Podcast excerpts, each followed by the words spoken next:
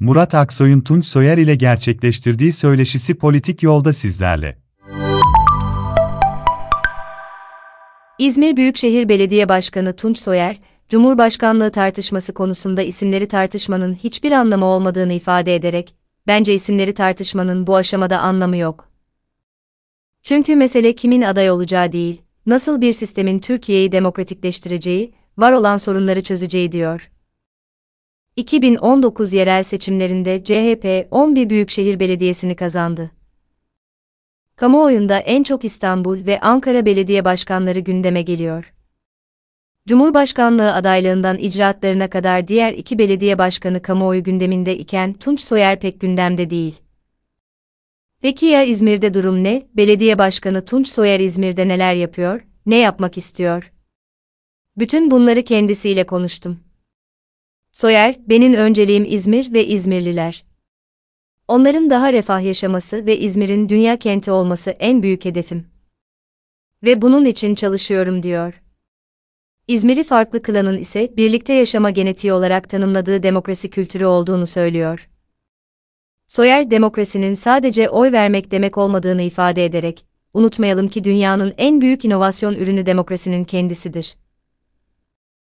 Demokrasinin dönüşümü ve katılımcı modellerle sorun çözme kapasitesinin arttırılması onun gücünün bir işaretidir. Biz de bunu yapmaya çabalıyoruz. Aksoy, son günlerde CHP'li büyükşehir belediyelerine yönelik baskılar, kısıtlamalar ve teftişler gündeme geldi. 11 büyükşehir belediyesi ortak imza ile devletten bazı taleplerde bulundunuz. Şunu sormak istiyorum, İzmir olarak merkezi iktidarın aldığı kararlardan nasıl etkileniyorsunuz? Soyer, şuradan başlayalım. Daha doğrusu bir ayıklama ile sorunuza cevap vereyim.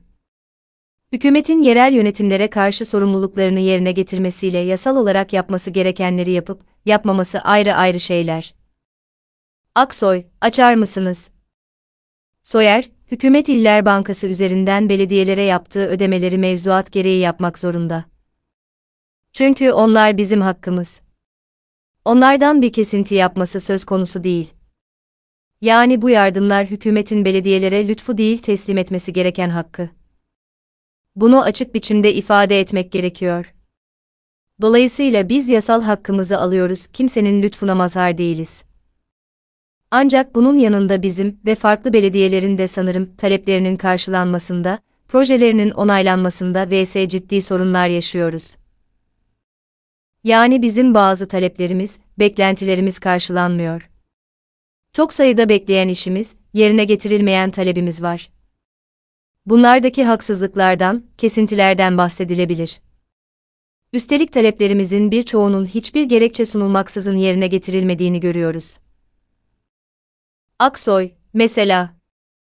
Soyer, onu da size liste olarak vereyim. Cumhuriyet mirasımız elektrik fabrikasını kültür merkezi olarak kente kazandırmak için, özelleştirme idaresinin açtığı ihaleyi 35 milyon lira bedelle kazandık. Ancak ihale İzmir Büyükşehir Belediyesi iştiraki kazandığı için iptal edildi. Tarihi bina her geçen gün çürüyor.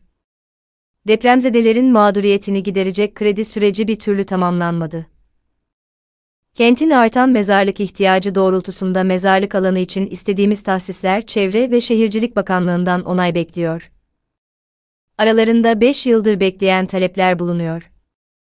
İzmirli'nin ekonomik koşullarda günübirlik tatil yapmasına bile engel olunuyor. Kentlilere günübirlik tatil imkanı sunduğumuz Urla'daki yaz sıcağıda tesislerinin biten kira sözleşmesini yenileme talebimize Tarım ve Orman Bakanlığı 3 yıldır yanıt vermiyor kentsel dönüşüm mağduriyetini giderecek teklife yanıt gelmedi. Gaziemir Aktepe Kemrez Mahallesi'nde 10 bin konutluk kentsel dönüşüm projemizin hayata geçmesi için vatandaş tapularına hazine tarafından konulmuş olan hazine fazlalığı şerhlerinin bedelsiz olarak kaldırılması için yaptığımız müracaat Çevre ve Şehircilik Bakanlığı'ndan bir yıldır yanıt bekliyor. İskele için izin başvurusuna 5 yıldır yanıt yok deniz ulaşımını güçlendirmek ve halkın bu yöndeki taleplerine yanıt vermek için Urla Balıkçı Barınağı'na vapur iskelesi yapmak için yaptığımız müracaat 2016 yılından bu yana Çevre ve Şehircilik Bakanlığı'nda bekletiliyor. 3 yıldır şantiye alanı tahsis edilmiyor. Kentin kuzeyinde Bergama'da İslam Saray Mahallesi'nde belediye hizmetlerini sağlıklı bir şekilde yürütmek için kuracağımız şantiye alanının tahsisi için yaptığımız başvuruya Çevre ve Şehircilik Bakanlığı'ndan 3 yıldır cevap bekleniyor. Bedeliyle bile tahsis yapılmıyor. Kentin toplu ulaşım sistemini yönetmek için Halkapınar'da yapmak istediğimiz entegrasyon merkezi alanında TSDD'ye ait mülkiyetin, bedeli karşılığında belediyemize devri talebimize ulaştırma ve Altyapı Bakanlığı'ndan yanıt alınamıyor. Konakta ahşap iskele için 2 yıldır izin verilmiyor. İzmirlileri denizle buluşturmak için konakta yapacağımız bir adet ahşap iskele için gerekli izinler 2 yıldır Çevre ve Şehircilik Bakanlığı'nda bekliyor. Vapurlarımız için yanaşma yeri bile verilmedi. Bostanlı Vapur İskelesi yanındaki balıkçı barınağının bir kısmının körfezde yolcu taşımacılığı yapan gemilerimizin, yanaşma yeri sorununu çözmek için Bostanlı Vapur İskelesi balıkçı barınağının bir kısmının kullanılması amacıyla yaptığımız imar planı, Ulaştırma ve Tarım ve Orman Bakanlığı'nca uygun görüş verilmediğinden yapılamadı. Aksoy, bütün bunlar sizin çalışmalarınızı nasıl etkiliyor peki? Soyer, ben bunları şikayet olarak değil, tespit olarak söylüyorum. Bir işi yapmanın bir, yapmamamın bin sebebi vardır. Ben yapılmayan işlerin engel olan sebeplerin hiçbiriyle ilgilenmiyorum. Çünkü ben başarmak zorundayım. Ben işimi yapmak istiyorum. Önümüze konulan hiçbir engel, bizim başarısızlığımıza mazeret olamaz. Ben mevcut koşullar neyse o koşullarda en iyisini üretmeye mecburum. Bunun için bu göreve talip oldum bunların olacağını daha fazlasının olma ihtimalini öngörerek geldim. Dolayısıyla şikayet eder bir konumda değilim. Bir örnek vereyim. Döviz kurlarında yaşanan yükselme döneminde bir tweet attım. Dedim ki, döviz fiyatındaki artışla bir metro hattımızı kaybettik bugün. Tam da bu oldu. Döviz artışıyla ortaya çıkan maliyetle bir metro hattı inşa edebilirdik. Ama bugün attığımız imza ile o kaybettiğimiz metro hattını 5 yılda geri alacak bir iş yapmış olduk. Aksoy, ne imzası? Soyer, biliyorsunuz Türkiye enerji sorunu yaşıyor. Elektrik fiyatları çok arttı.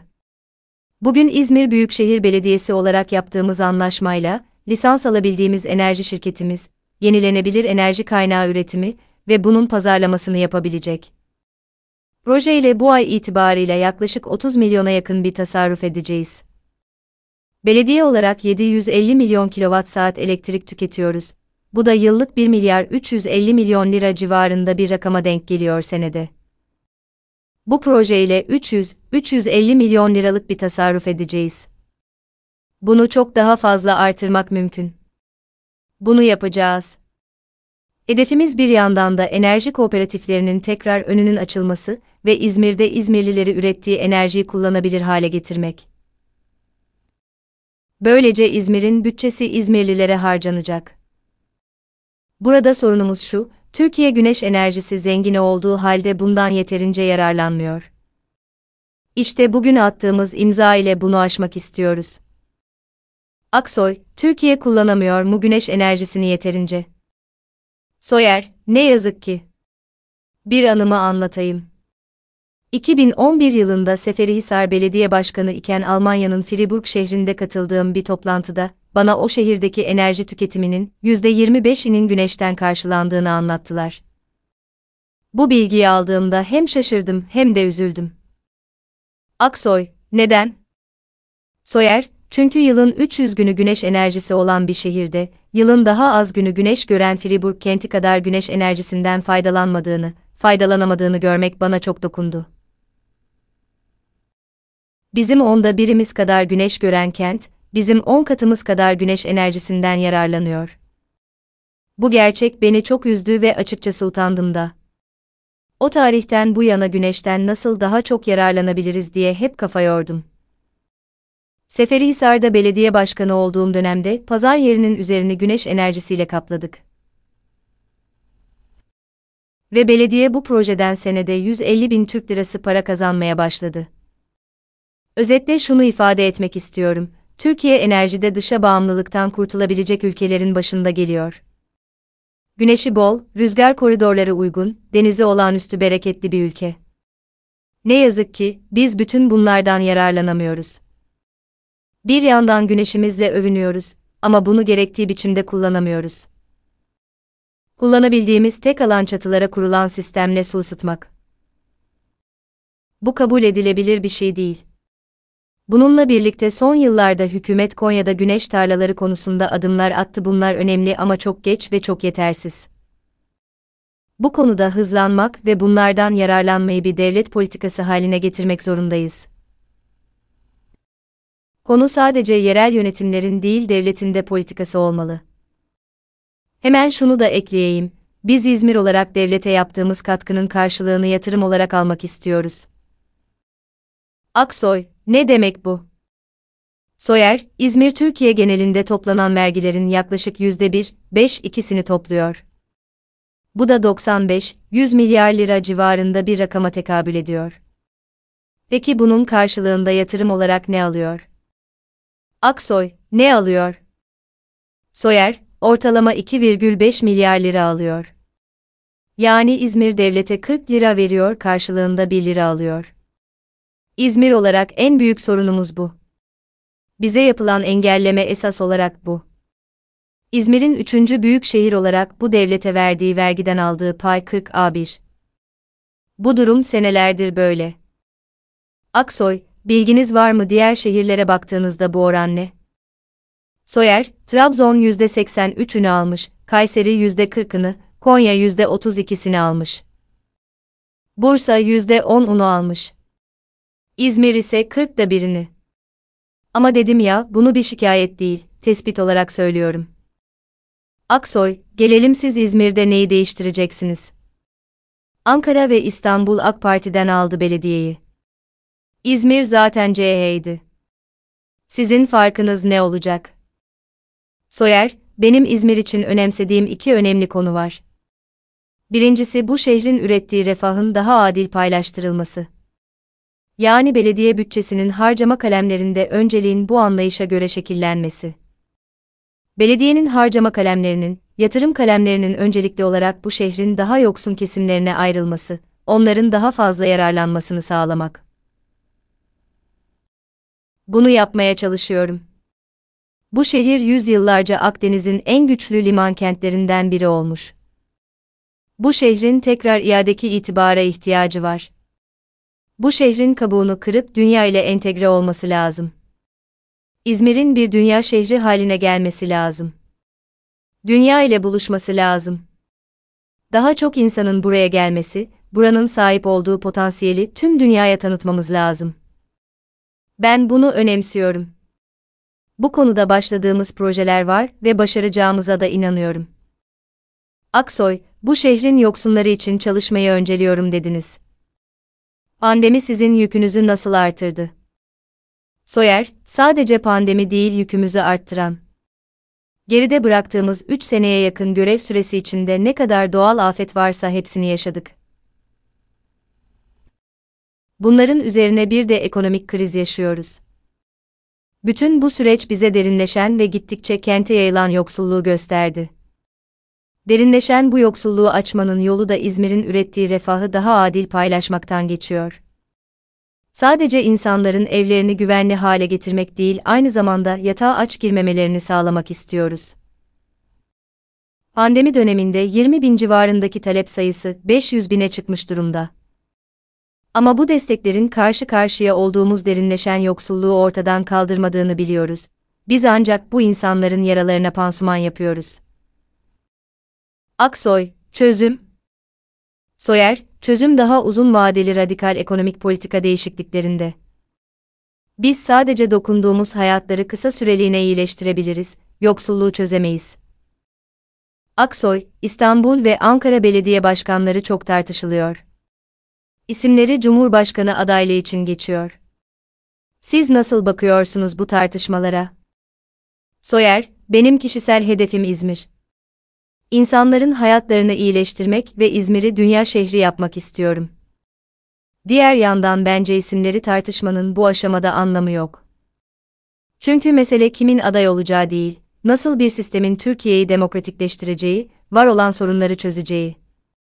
Açıkçası isimleri tartışmak boş insanların işi. Biz ülkeyi çöküşe, yoksulluğa götüren sistemin yerine neyi koyacağımızı tartışmalıyız. Aksoy, açıkçası isimleri tartışmak boş insanların işi. Biz ülkeyi çöküşe, yoksulluğa götüren sistemin yerine neyi koyacağımızı tartışmalıyız. Soyer, insanları İzmir'e çeken demokrasi. İzmir neyin kalesi dediğiniz zaman çok şey sayabilirsiniz. Atatürkçülüğün kalesi, Cumhuriyet'in kalesi. Ama bence İzmir Türkiye'de en çok demokrasinin kalesidir. Burada demokrasi dediğim şey, 5 yılda bir sandığa gitmekten ibaret değildir.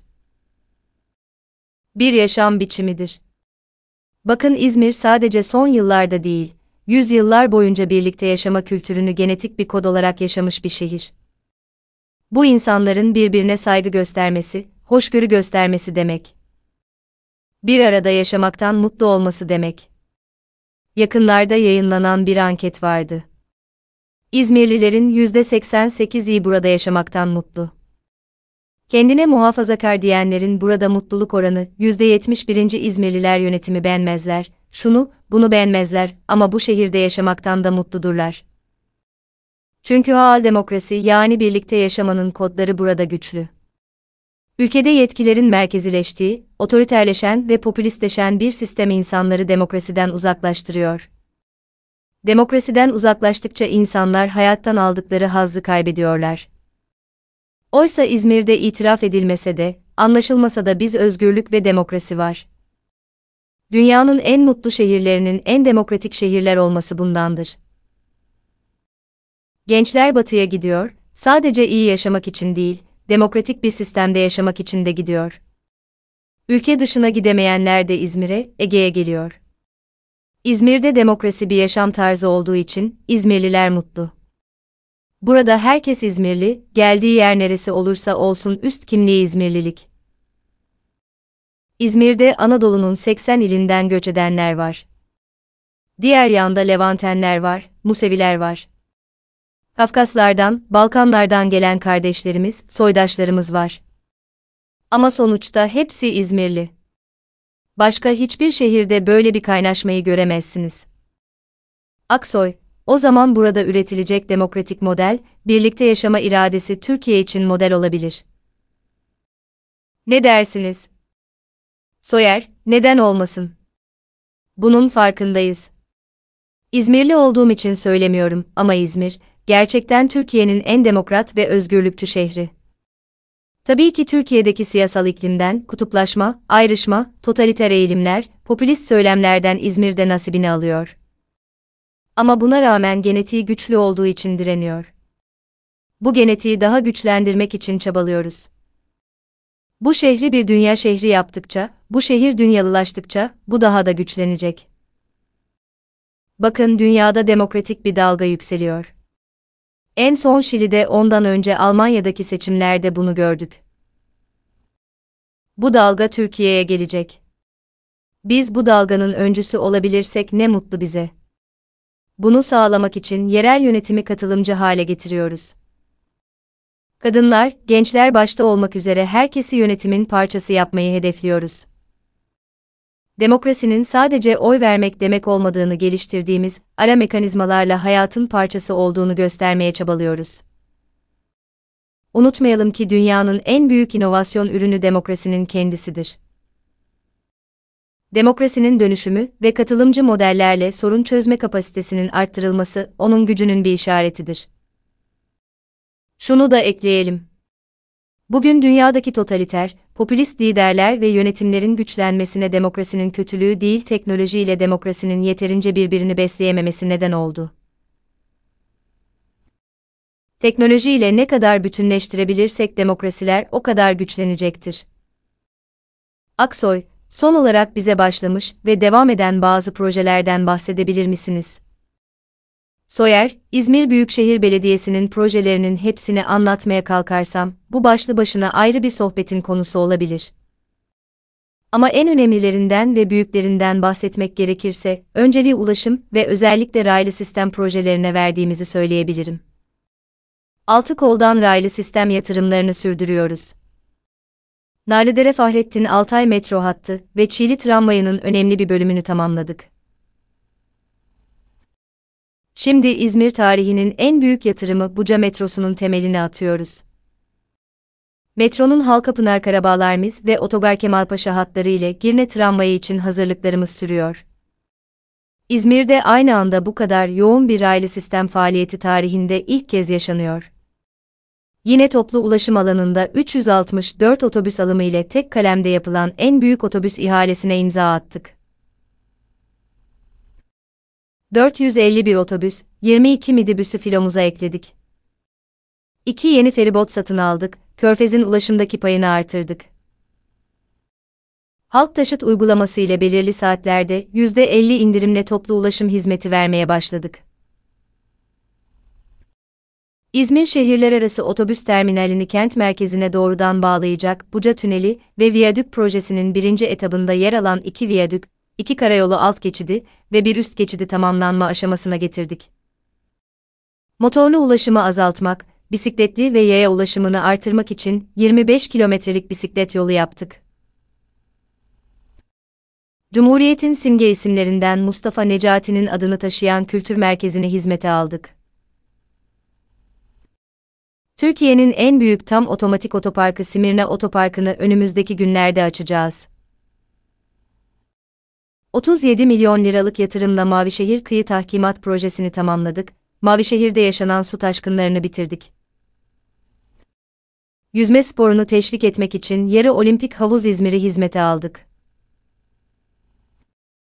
429 milyon liralık yatırımla İzmir Opera binasının yapımı devam ediyor. Yerinde ve %100 uzlaşı modeliyle yürüttüğümüz kentsel dönüşüm çalışmaları kapsamında Uzundere, Gaziemir Emre Zoktepe mahalleleri ve Örnekköy kentsel dönüşüm alanlarında bu yıl 1 milyar 255 milyon lira yatırımla 2722 bağımsız birimin yapımına başladık. Ödemiş ve Bergama'da 446 milyon liralık yatırımla Bakırçay ve Küçük Menderes havzalarındaki yerleşimlere hizmet edecek iki çevreci katı atık tesisi kurduk. Bu tesisler sayesinde hem elektrik hem gübre üretiyoruz. Bu yatırımları sürdürürken yaşanan ekonomik krizin yarattığı yoksulluğa karşı büyük bir dayanışmayı sergiliyoruz. Kara kış destekleri kapsamında gıdadan nakdi yardıma, giysiden ısınmaya kadar tüm temel ihtiyaçlar için yurttaşlarımızın yanında oluyoruz. Türkiye'ye örnek olacak bir dayanışma ağı kurduk.